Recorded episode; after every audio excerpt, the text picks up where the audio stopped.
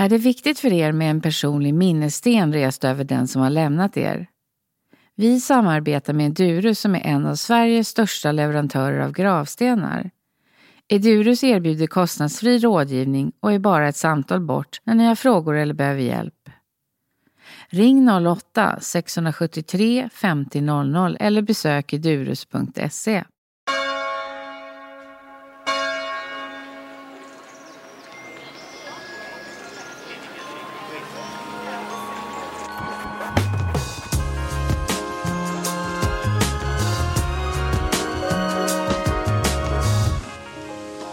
Välkommen Marianne Goldman, dramatiker, författare och samtalsterapeut. Tack. Det är spännande. Jag har ju sett att det här temat kring döden har återkommit i många av dina olika böcker och pjäser. Och det skulle vara spännande för oss att få höra lite varför detta är återkommande. Hur mycket tid har vi? Och det, det, det är aldrig en anledning att man skriver. Det finns flera drivkrafter. Ja, ämnet är så stort så jag blir blockerad. Mm. Då skrapar vi lite på ytan. Okej, okay, jag, jag, ska pröva olika ingångar. Det var faktiskt så att när min mamma dog hon dog eh, i cancer hon dog väldigt ung, hon var bara 60 år. Och jag var 32 år. Och det var en chock för hela familjen. Det hade aldrig funnits sjukdom innan. Och hon var en så otroligt central figur i vår familj. Och eh, det var i Göteborg och ja, jag blev dramatiker efter, efter hennes död kan man säga. Ja. Så det är någonting, att det släppte loss skrivandet. Så det var själva skrivandet som kom igång mm. då, vågar jag påstå. Jag hade skrivit innan i och för sig, det hade jag gjort. Men jag släppte loss mera då. Sen var det någonting med att följa eh, mamma under eh, sjukdomsperioden som gjorde ett djupt intryck på mig. Det var också det att jag hade inte varit med henne så mycket. Jag var ett mellanbarn, jag hade rest ut i världen, jag ville vara självständig. Eh, jag var tre systrar och en bror. Jag var, och jag och min ena syster var ute väldigt mycket på, ute i världen helt enkelt. Och ehm, jag kände att det var så chockartat att hon blev sjuk och skulle försvinna för det var dödligt, det förstod vi. Hennes cancer. Så jag satt som klistrad vid hennes eh, säng och sen dödsbädd. Och jag läste Susanne Sontags, jag fick tag i något som heter Sjukdom som metafor. Och den handlade om Susanne Sontag, den stora författaren Susanne Sontag får jag väl säga. Det är inte alla mm. som vet vem hon är, men hon var väldigt stor. Och hon skrev om cancer. Hon hade själv cancer och hon mm. skrev om det. Och eh, vad det var för slags vokabulär och man använde. Att det var liksom strids... Att man skulle bekämpa cancern. Att det var eh, ja, krigiska bilder eh, språkligt när man talade om cancer och så vidare. Och jag blev så fascinerad av detta. Och mamma, jag vet att mamma sa, du, är, du kommer göra någonting av det här. Så okej, okay. det är en ingång att berätta det. Sen lång historia kort, eh, skrev jag eh, en pjäs, en monolog som hette Dansa samba med mig. Ja, ja, jag skrev det filmen kanske först som blev så pass känd så jag vill, kanske ska nämna den. Freud flyttar hemifrån. Som handlar om en väldigt central, stark man, judisk mamma som dör och flickans frigörelse. Så det var en sån, en film som blev, gick väldigt bra. Och sen efter det så skrev jag en monolog, den som med mig. Och sen skrev jag olika texter. Jag skrev en pjäs som blev, det var fem år efter hon hade dött. Den blev eh, uppsatt, vilket är väldigt sällsynt, sju gånger i Skandinavien med olika ensemble, med olika produktioner. Och den hette Cancerbalkongen. Och när jag skrev den, det är någon som har sagt att man skriver, eh, när det har gått fem år så, så kan man verkligen skriva om ett ämne. Trots ämnet så blev det min lyckligaste pjäs. Därför att då hade jag skrivit av mig och mamma. I Freud flyttade hemifrån och Dansa samba med mig var också en smärtsam eh, monolog. Så Cancerbalkongen, den bara, den bara, jag skrev dem på några månader.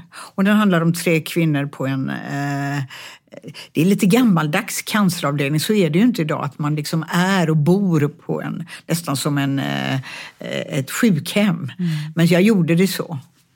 Det här var 94, 95. Mm.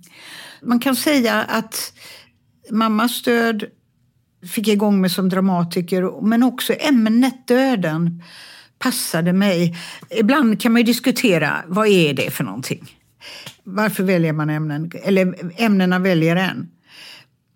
Det är ju någonting med döden att det är en de, de pjäserna har blivit bäst helt enkelt, som jag skrivit. Om man tittar nästan lite cyniskt på det. Därför att det, det finns ett motstånd.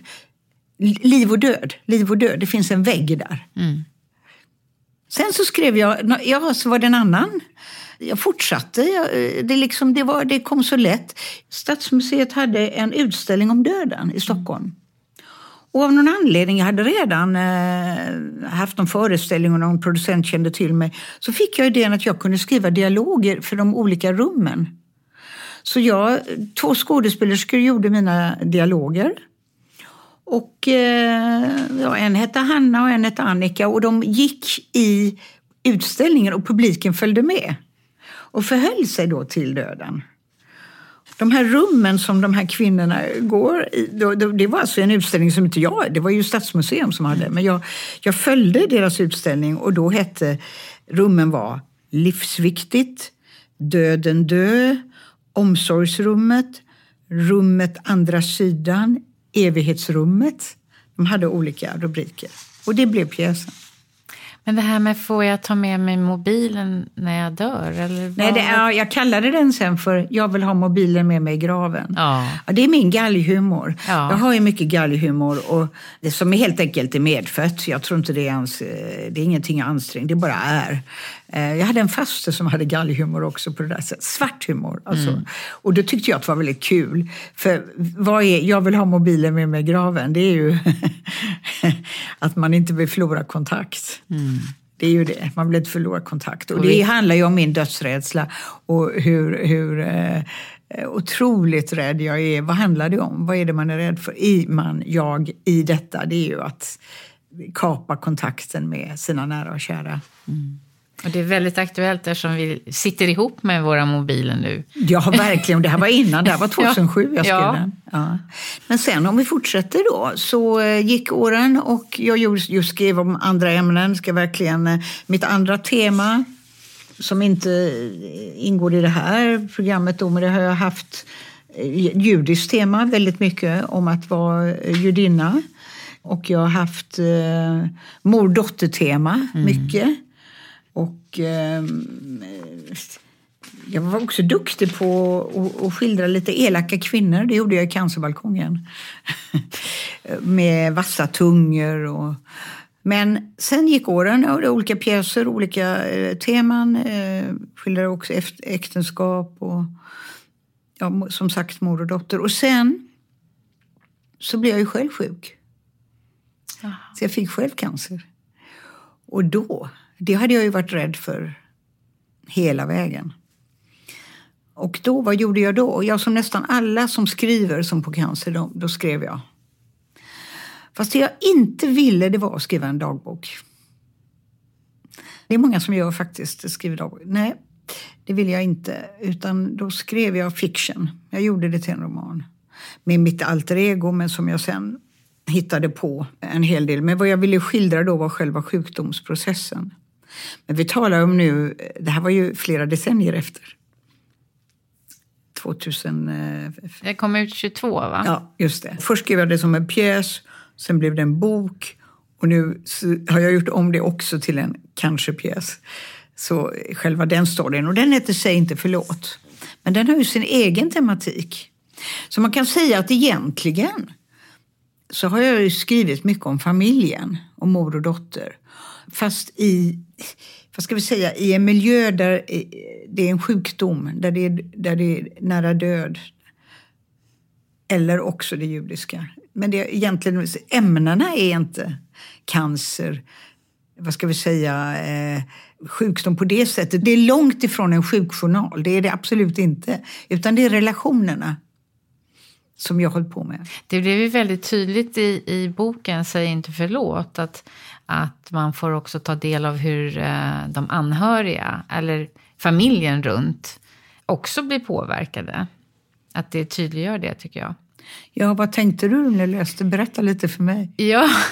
jag gärna höra. Nej, men att eh, det, det hände lika mycket med dem, nästan. För att de måste förhålla sig till inte bara sin mamma eller sin fru, utan också hur den personen är när den är sjuk och vad kan man kräva av den personen.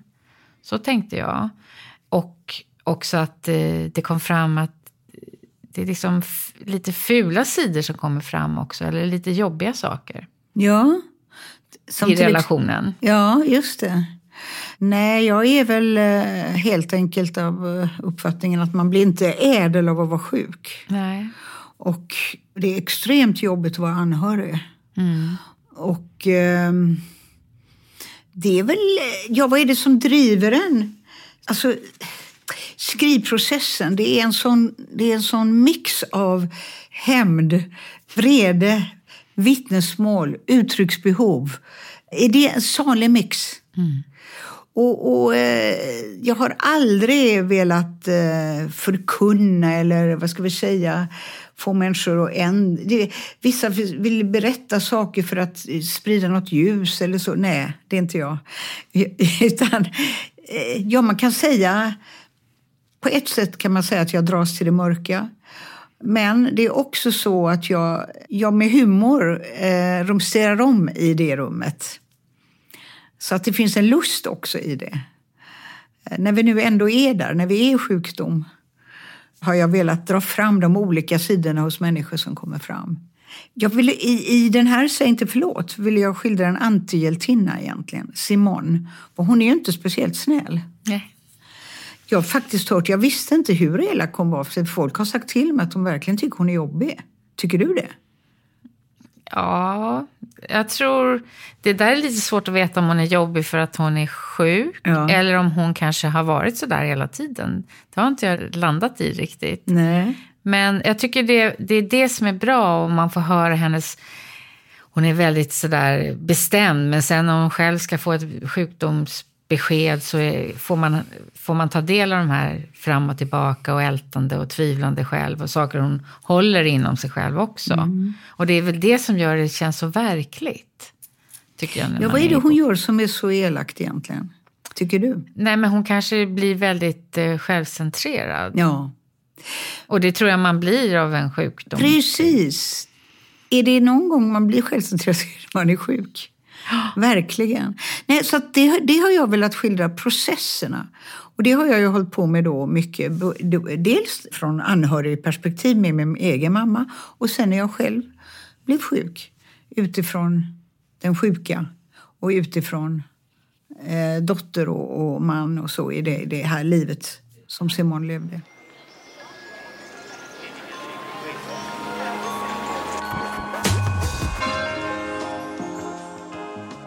Är det många som har sagt att de känner igen sig, som har kontaktat dig eller du har pratat med? Eller tror du att varje persons sjukdomshistoria, är, situation och känsla är olik?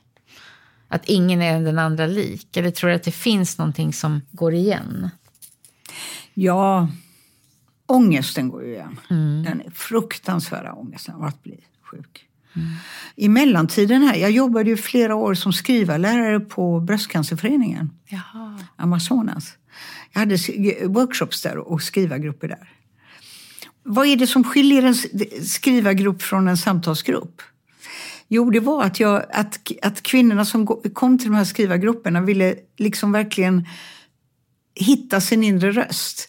Alltså en samtalsgrupp är ofta att man letar efter likheter.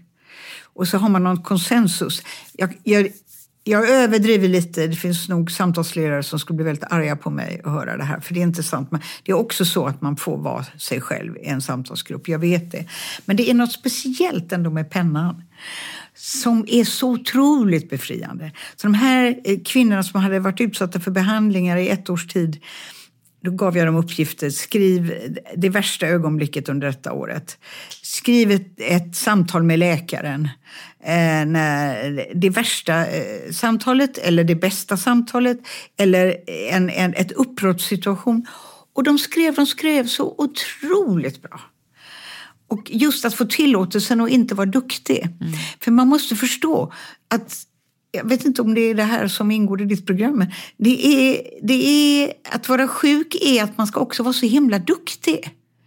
Man ska ju man ska ta emot behandlingarna, man ska eh, inte vara för ledsen, man ska vara stark. Jag talar nu mycket om cancer som mm. är en sån process.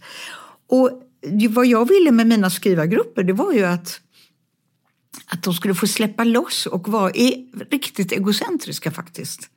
Och det blev så bra historier. Det blev så, så bra. Och, ehm, och det visste jag ju för att jag själv hade varit så lycklig i skrivandet när jag var sjuk. Mm. Eller kring sjukdom. Det blev väldigt bra och sen så fick jag, gjorde jag en pjäs av det faktiskt eh, som hette Workshop som gick på Soppteatern i Stockholm. Och då fick vissa elevers, eh, vad ska vi kalla elever, eh, deltagare, deras texter var med i pjäsen. Så det blev väldigt bra.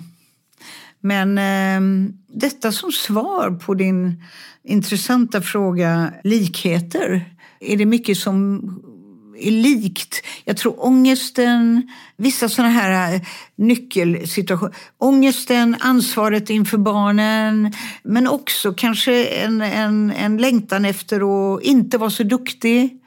Vissa kvinnor skilde sig ju under processen också. För de orkade inte... Eh, I, den, I det förhållande som de hade haft så kände de inte att de fick utrymme. Så det är likheterna. Men det är både, svaret är både ja och nej. Likheter och olikheter. Ja, för jag undrade ju också alla terapisamtal du har haft och jag undrade ju om många människor talar om döden och livets slut och sånt i terapisamtalet. Och då sa du nej, nej, nej, alla är fullt upptagna med, med livet här och nu. Ja, det, jag, när du ställde den ja. frågan när vi mejlade lite så har jag, tänkte jag på det, vad konstigt. Nej, folk pratar inte, inte de som kom till mig. Utan det är människor som är mitt uppe i livet. Eh, de ska rodda med barnen och ehm, jobben och eh, de kommer... Vet du vad, vet vad deras problem är? Att de inte har tid med kärleken. Mm. Det är det som är problemet. För, nu talar jag om 45-åringar ungefär. Mm. De prioriterar inte det. Nej. Utan de prioriterar gymmet, jobbet och barnen. Där är alla, eh, jag måste säga, förvånansvärt trygga idag. Jag tycker vi var mycket mer självkritiska som föräldrar, min generation. Och skuldkänsla mot fel och alla fel. De tycker inte att de gör några fel. Nej, nej. nej, men de tycker att de klarar det bra. Mm. Och de gör antagligen det också. Ja. Mm. Det är någonting med att de kanske har blivit bättre föräldrar då. Jag vet inte. Eller så är det att... Jag, nej, jag frågade faktiskt två kollegor då, eftersom du ställde frågan, om det, om det bara var jag som tyckte... Nej, de tyckte inte heller mm. att eh, döden var ett ämne i terapirummet. Men det kanske är så också som den boken som du har skrivit då, eh, Säg inte förlåt, som handlar om den här sjukdomssituationen. Den kanske man inte läser om man inte själv är sjuk. Jag tänker, vi kanske söker upp information alltså där vi är just nu. Så man kanske inte läser om cancersjukdom om man inte är sjuk. Man kanske inte engagerar sig i döden när man är mitt uppe i livet. Nej, så är det. Det är synd. Man kanske inte får plats att förbereda sig för sådana saker. För att det är läskigt också. Du har rätt. Det är, det är synd därför att samtal om döden kan också... Det är ju i, i hög grad samtal om livet. Mm. Jag har inte haft många gurus i mitt liv. Men jag har faktiskt en som heter Irvin Jalom som är en terapeut han jobbade väldigt mycket med cancerpatienter och han jobbade väldigt mycket eh, med den nya eh, tredje vågens terapi, eller existentiell terapi kan man säga. Irvin Jalom. Och han har skrivit en bok som heter Staring at the sun, overcoming the fear of death. Overcoming the terror of death. Den boken har verkligen varit bra för mig. Eh, därför att han, liksom jag själv, tror jag, jag får hela tiden säga tror, tror inte riktigt på ett liv efter detta. Är inte så väldigt andlig, men existentiellt närvarande. Och han, han har skrivit mycket om terapier överhuvudtaget. Väldigt, väldigt mycket om sina klienter på ett sätt som nästan inte jag förstår han har vågat. Hur som helst.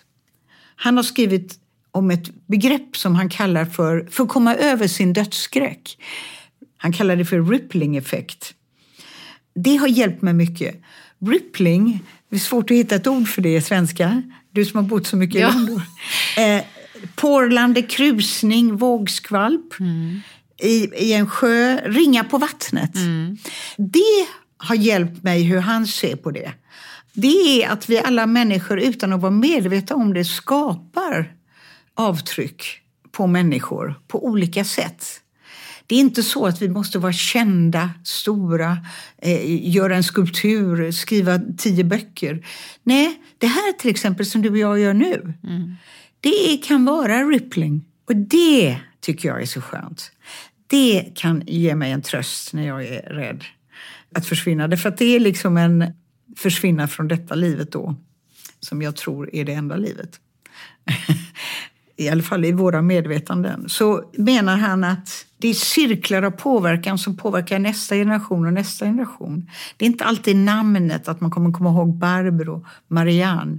Men någonting som vi har gjort kommer vara kvar. Det är fint. Ja, rippling betyder egentligen helt enkelt att man lämnar kvar något av sin livserfarenhet. Men jag sa det till min man i morse när jag skulle inför den. Han sa, det hjälper väl inte ett dugg. Men jag tycker ändå att det är lite grann så.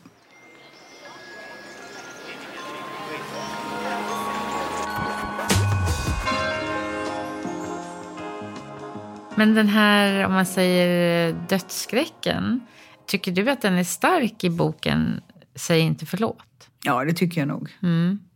Det tycker jag nog att den är. Att hon har mycket, mycket ångest. Mm. Det har hon ju.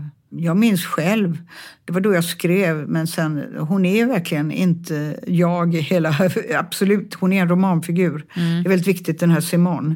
Hon gör saker som jag själv aldrig skulle göra. Speciellt i relation till dottern är hon Ja. mycket hårdare. Ja. Ja, ja. Eh, För att jag skulle skruva, jag ville, ville skapa en värld där, eh, där, där det blir riktiga konflikter.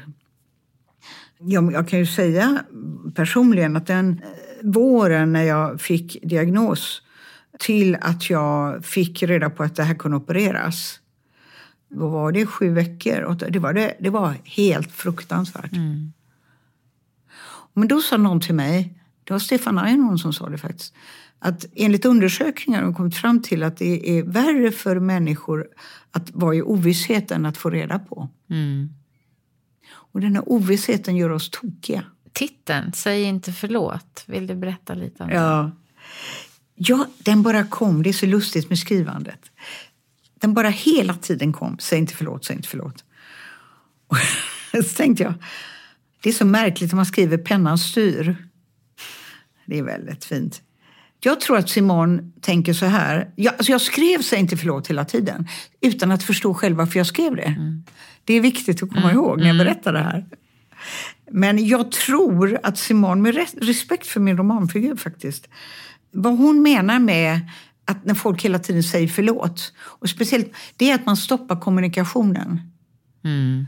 Förlåt, förlåt, förlåt, förlåt. Istället för att vara i det svåra. Mm. För hon är ju en modig människa, även om hon har ångest. Jag menar att hon är modig och har ångest samtidigt. Mm. Ja. Så hon vill inte, hon tycker det är väldigt tröttsamt att folk säger förlåt hela tiden för då stoppar man kommunikationen och då får hon inte höra sanningen. Dessutom känner hon sig väldigt ensam när hon är sjuk. För hon är ju van att vara i kommunikation. Om folk bara är vänliga och snälla och lägger huvudet på sned. Och ett ställe skriver jag att äh, tyst med era babyröster. Det tycker jag själv om den passagen faktiskt. Men det är väl samma sak som när någon har dött så tycker vi i omgivningen att det är väldigt svårt att veta vad vi ska säga till anhöriga.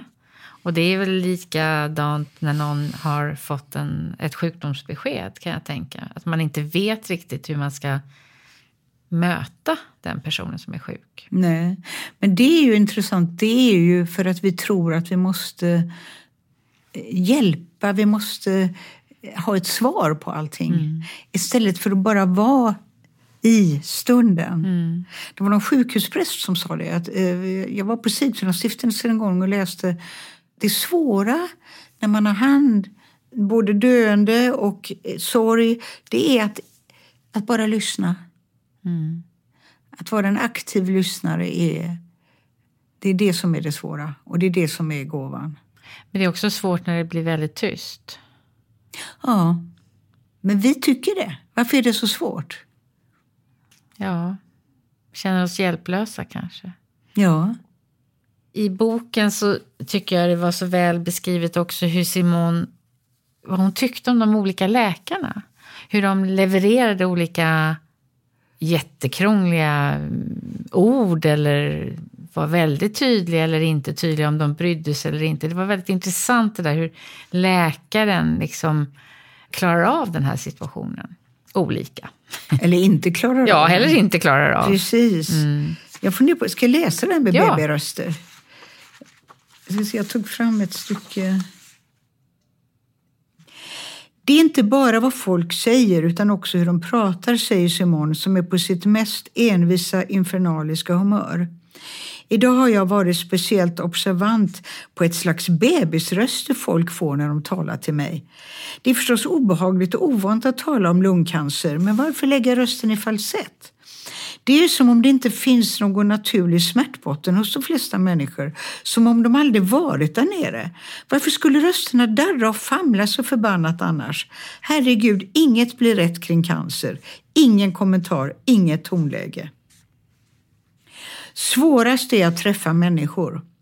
Antingen vet de inte och undrar säkert varför hon är lågmäld, dyster, korthuggen och otålig, vill bara sitta en stund, bara prata en stund. Eller så vet de och är så ledsna och det är outhärdligt för henne att ta emot. Hon måste bära deras sorg som hon alltid gjort, den lilla överlevaren. Som när hon besökte ena systern, svågen och deras son häromdagen. Där satt de alla tre och såg så oerhört ledsna ut. Hon började underhålla, hon är duktig på det.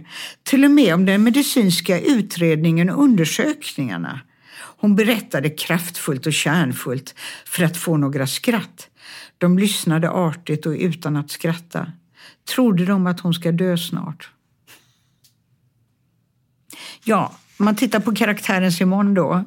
Det var väl en utmaning att skriva om en kvinna som är sjuk och samtidigt bitchy. Jag vet någon annan som har gjort det också, eh, jag har läst. Alltså att man blir inget helgon bara för att man har det svårt. Tvärtom. Och det var någon slags sug i mig, jag tyckte det var roligt. Säkert en hem. Hon har ju fullt upp den här karaktären. Hon kämpar med att hålla egna mammans ödesstången. Hon är livrädd att hon ska dö som mamma gjorde. Så ska hon ta emot en dotterns sorg, oro. Hon ska ta emot mannens oro, han är som ett asplöv. Väninnan som hela tiden säger förlåt, förlåt. Och sen, inte minst, ska hon också handskas med sina egna självförebråelser, hur hon har levt. Svårt med närhet och tillit till livet. Svårt att ta emot tröst. Jag menar, det, hon har fullt upp. Mm. Och det vill jag skildra. Virginia Woolf faktiskt sa 1926. Då skrev hon en essä om att vara sjuk där hon påpekar att sjukdom inte fått inta sin rättmätiga plats i litteraturen. Bredvid teman som krig, kärlek, svartsjuka. Men nu har det gått hundra år sedan dess. Och nu finns ju sjukdom som existentiellt tema och mänsklig erfarenhet många har börjat bearbeta och skriva. Alltså, när jag kom ut med den här, det hade redan kommit flera böcker om cancer, Mm. om att ha cancer. I Sverige har vi haft Ulla-Karin Nyqvist, Ro utan åror. Det var ALS. Mm. Kristina Sandberg skrev sin bok om cancer. Niklas Rådström har skrivit om sjukdom. Yvonne Hidman. Christian Gidlund i Kroppen min. Den har gått nu som pjäs på Parkteatern i sommar. Så det finns en, en tradition nu. En ny tradition, kanske.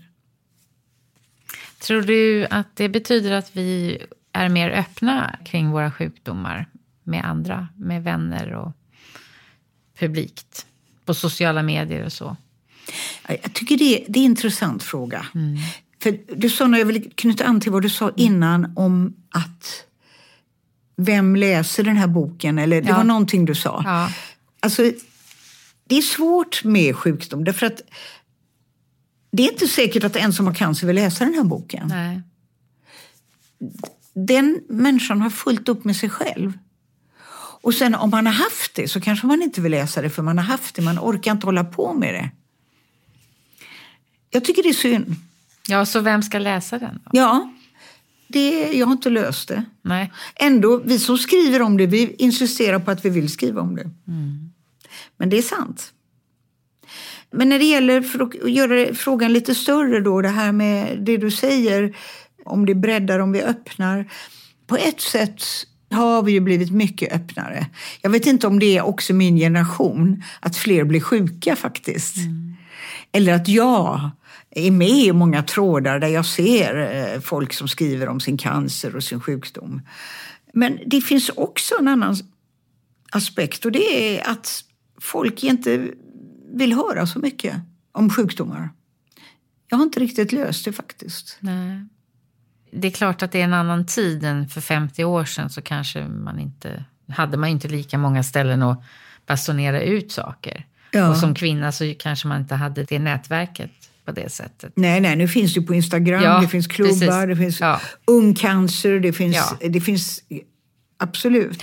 Man kan väl säga det, vad skönt, vad bra att vi kan prata om det mera. Ja, om man vill. Så om man, man vill, ja. Så får man väl välja om man vill engagera sig i det eller inte. Och det är nog väldigt individuellt, tror jag, hur folk reagerar. Det finns det där, det har jag med i boken någonstans tror jag, att det smittar. Att man är rädd att det smittar, men det gör det ju inte. Cancer smittar ju inte. Nej. Men det här tvi-tvi. Ja.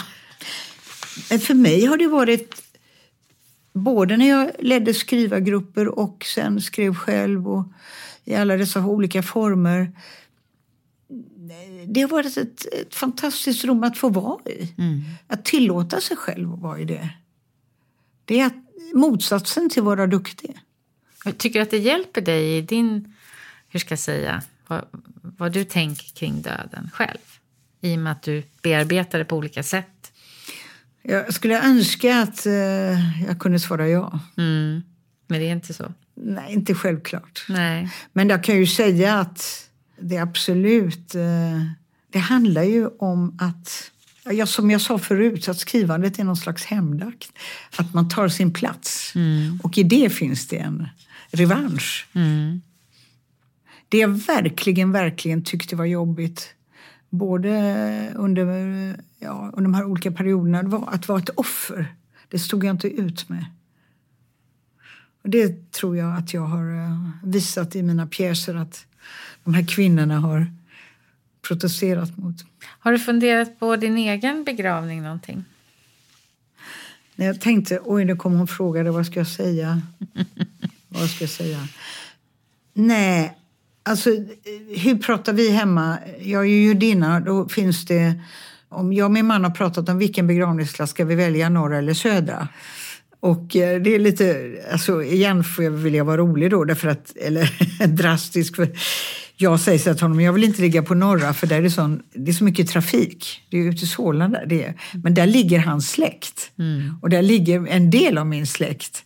Jag tycker södra är, alltså för judar väljer man då mellan norra och södra. Mm. Norra och, södra. Mm. och det södra tycker jag, det är ju Skogskyrkogården, vi där, tycker jag att det är finare faktiskt. Sådana tankar har jag, mm. som inte har kommit till någon eh, closure, men det, det tänker jag. Mm. Men sen när det gäller begravning och, och, allt det här att folk förbereder vad de ska för musik eller vad det ska... Det, det finns inte på kartan att jag bryr mig. Nej, nej, nej. Va, vad är det jag vill? Folk ska gråta jättemycket. Och så ska de prata och vara i... Egentligen inte förlora kontakten med mig, med andra. Att jag ska finnas där, för då, alltså att vara kvar. Rippling. Rippling, ja. ja. Det tror jag är jätteviktigt. Mm. Jätteviktigt. Och där är ju den här judiska traditionen att man sitter shive så bra att man sitter shivo. Och det, jag tror jag skojat med, med mina syster om det. Att hon, vi är ju inte religiösa någon av oss. Hon sa, ja, ni, får sitta, ni ska sitta shiva riktigt länge för mig. och det är när man eh, är i hemmet? Och... Ja, man är i hemmet och moderna judar då, moderna människor, då gör man ju inte den här sju dagars som det står skrivet att mm. man ska sitta i sju dagar. Mm. Det är väl mm. bara någon, eh, de ortodoxa som gör det, kanske, mm. Eh, vad ska vi säga, 15 familjer i Stockholm eller något sånt mm. där. Men vi som inte är religiösa, vi brukar egentligen bara ha, då har man tjuve kanske två kvällar. Mm. Men när det kommer till kritan så tycker vi nog om det här att man ska sitta riktigt länge.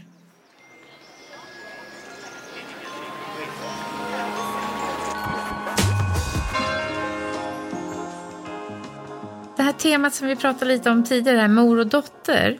Är det ett tema som du tycker att du kommer framåt i? Eller har det läkt dig på något sätt genom att skriva om det i pjäser och böcker och så? Jag har gått igenom olika faser med det. Mm. Jag tänker om, man, om du själv är i olika åldrar, lika gammal som din mamma var ja. och äldre. Äldre kanske, nu. ja. Verkligen. Så, så är det ju lite olika situationer. Ja, Intressant. jag kan tycka, jag, jag känner en sorg. Mm. Jag känner en sorg att jag inte fick uppleva min mamma mer. Mm. Och att inte hon fick uppleva mig mer. Mm. Faktiskt. Mm. Jag, bara jag pratar om det blir jag ledsen. Mm. Att, jag, jag, tycker det är extra svårt egentligen nu när jag ser hur min egen dotter och med det här lilla barnbarnet som har kommit och hur naturligt hon är i vårt hem fram och tillbaks. Och hon räknar med att jag ska vara gullig med barnbarnet och ta hand om. Och det, det är så självklart allting. För mig var det inget självklart med mamma, men jag var ju inte ens där. Alltså, ja...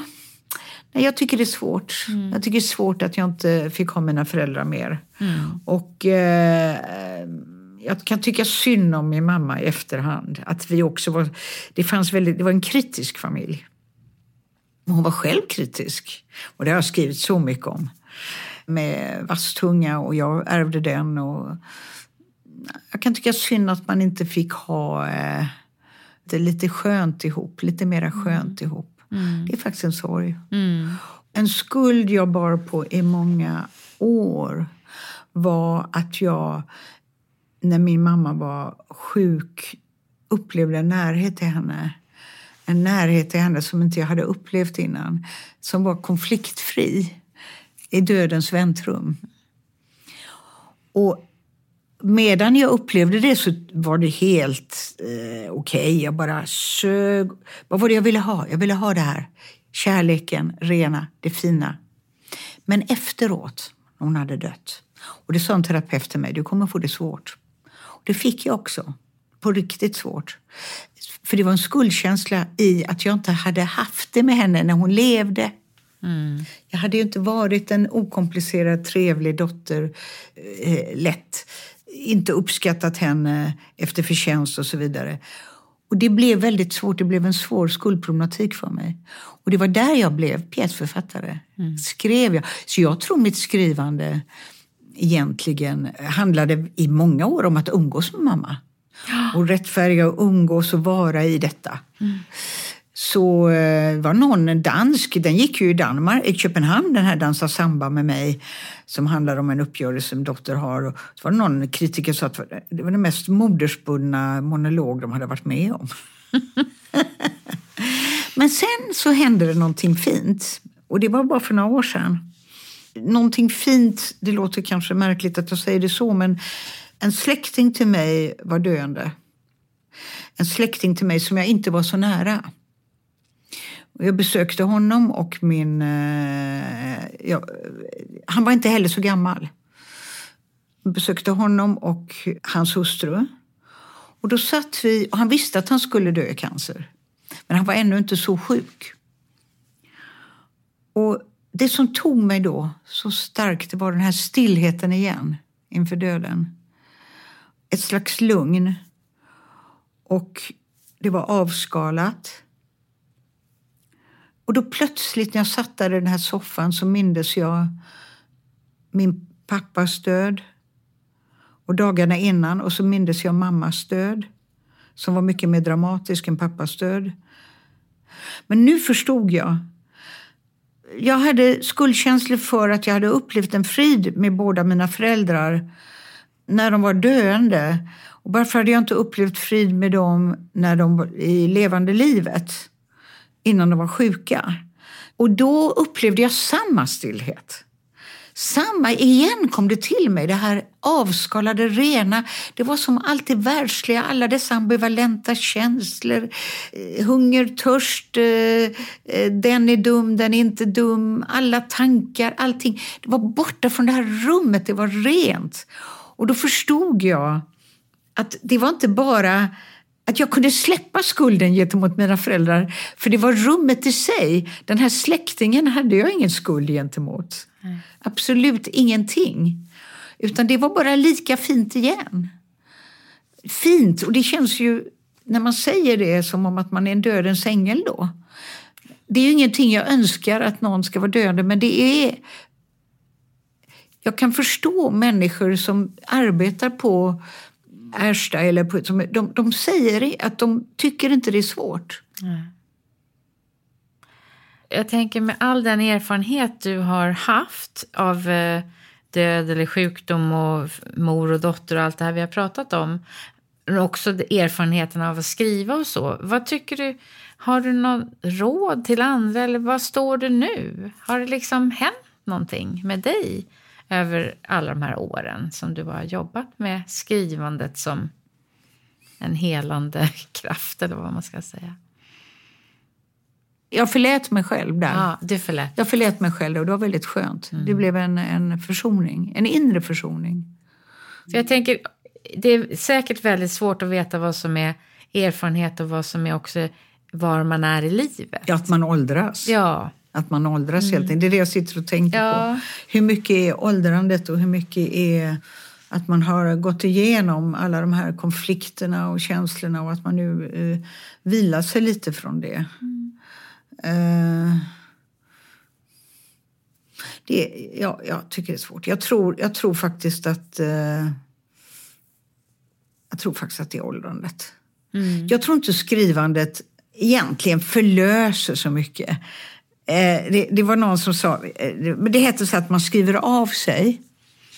Men jag skulle säga att man också skriver in sig. Mm. Det ska man komma ihåg. Många professionella författare, man skriver in sig, man ältar ett ämne också. Mm. Titta på Knausgård, titta på alla mm. man, man, kan, man kan också göra det till en profession och det har jag ingen värdering i. Men jag tycker att ibland att det blir eh, att det är för enkelt att säga att man skriver av sig. För, ja, man kan skriva av sig. När jag är terapeut kan jag säga att jag kan ge övningar till till vissa klienter som tycker om att skriva. Om de har någonting otalt med någon. Så, så skriv, sätt väckarklockan. Det finns någonting som heter flödesskrivande. Sätt väckarklockan, eller eh, vad ska vi säga, tio minuter och skriv av dig. Det är sant att det kan vara väldigt skönt. Mm. Man skriver av sig. Men det professionella skrivandet, när man verkligen problematiserar, det vet jag inte om det är så eh, det är lite överskattat tror jag, att mm. man skriver av sig. Det man får är ju en slags, eh, nu har jag gjort det. Det. Alltså, jag, jag har tänkt mycket på det här med livsångest och dödsångest. Vad är det? Och sen inför det här har jag faktiskt, eh, jag pluggade på lite för jag tänkte vad ska jag säga, vad ska jag säga? Jag har pratat om rippling. Men så hittade jag också någonting i den här eh, boken eh, av Armin Jalom. Han citerar en, en väldigt känd psykolog som heter Otto Rank som var kollega till Freud. Och han såg livet, jag, jag, tycker det var så väldigt enkel förklaring på vad jag själv tror att jag eh, befinner mig mellan att man pendlar mellan livsångest och dödsångest. Att det är en pendling. Och livsångest kan komma i som en eh, ovälkommen gäst när man vill förverkliga sig. Och man går ut över sina egna ramar. Då kan livsångest komma. Det är helt fantastiskt om man får uppträda på scen eller man får en bok eller någonting. Så får jag ett ångestpåslag. Och jag tycker han förklarar för mig varför det För man går ut över sina egna ramar. Och vad gör man då? Så han, det är många människor pendlar mellan den känslan. Just idag, så, självförverkligande är ju ett honnörsord. Idag. Man ska självförverkliga sig. Alla klienter sitter, åh jag måste självförverkliga, inte alla men många. Och ibland kan man ju undra, det skapar ju också ångest. Okej, okay, så det är ena pendeln. Och så den andra pendeln är då, drar man sig, då blir det så jobbigt som man drar sig tillbaka i flocken till sin hemvist, till sin lilla stad eller sin grupp. Eller så något. Och det kallar han för då, Otto Rank för att man, man ger upp sig själv lite, sin individuella särart. Och så vilar man sig där. Men då får man dödsångest. För då är man ingen. Och då är man ingen. Och då upp igen, tillbaks till självförverkligandet. Jag tycker den här pendeln var väldigt intressant som han beskrivit. Tror du att eh, många som utövar konst på andra sätt, konst eller musik eller så, att det handlar om samma sak? Ofärdiga konflikter eller eh, eller är det just skrivandet i sig? Nej, nej, nej. Jag tror att alla konstnärer... Men jag säger inget skapande utan konflikt. Nej. Det har varit min. Men, och det är också så att jag då har valt dramatiken. Vad får du mest tillbaka av? Är det eh, dramatiken eller är det författarskapet? Nej, nej, men jag har ju varit mycket mer dramatiker än ja. Eh, författare. Mm. Jag har skrivit en bok. Men vad jag menar är att när man skriver dramatik så är det väldigt koncentrerat på konflikt. För att det ska bära över rampen. Alltså en pjäs handlar om olika, att båda har rätt. Så det har passat mitt kynne, det har passat mig. Det är inte alla som skriver, och det fick jag äta upp dyrt en gång när jag hade en workshop med en kollega. Det är inte alla som skriver som tycker att konflikten är det bärande. Jag tycker det. Mm. Vad är det man får tillbaks de gångerna när, när man har fått... En, det är ju inte alltid man får uppsättningar, men man har fått uppsättning som är fin, eh, som man känner är som man har tänkt pjäsen ska bli. Jag hade väldigt många fina uppsättningar av just Cancerbalkongen faktiskt. Det kanske var för att det var min bästa pjäs på ett sätt. Då får man ju tillbaks att folk blir berörda. Man får tillbaks att folk skrattar där man vill att de ska skratta. Mm. Det är en underbar känsla. Ja, och sitta med när ja, folk reagerar. Ja, ja, ja. Mm. ja, ja, ja.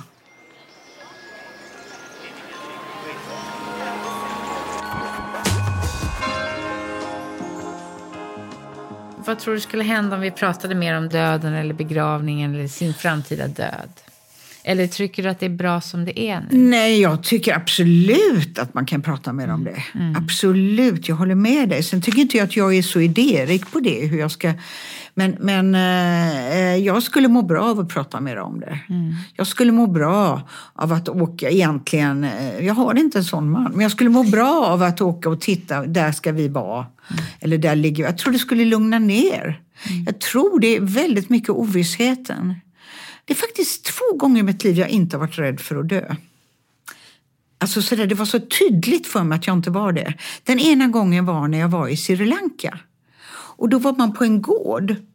Det var, någon, det var någonting, det var någon guide vi hade som visade oss, eh, det var på landet.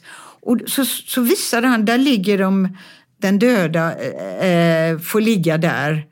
Eh, alltså begraven på gården liksom. Jag vet inte, det var så integrerat. Så otroligt. Jag bara kände, åh vad skönt.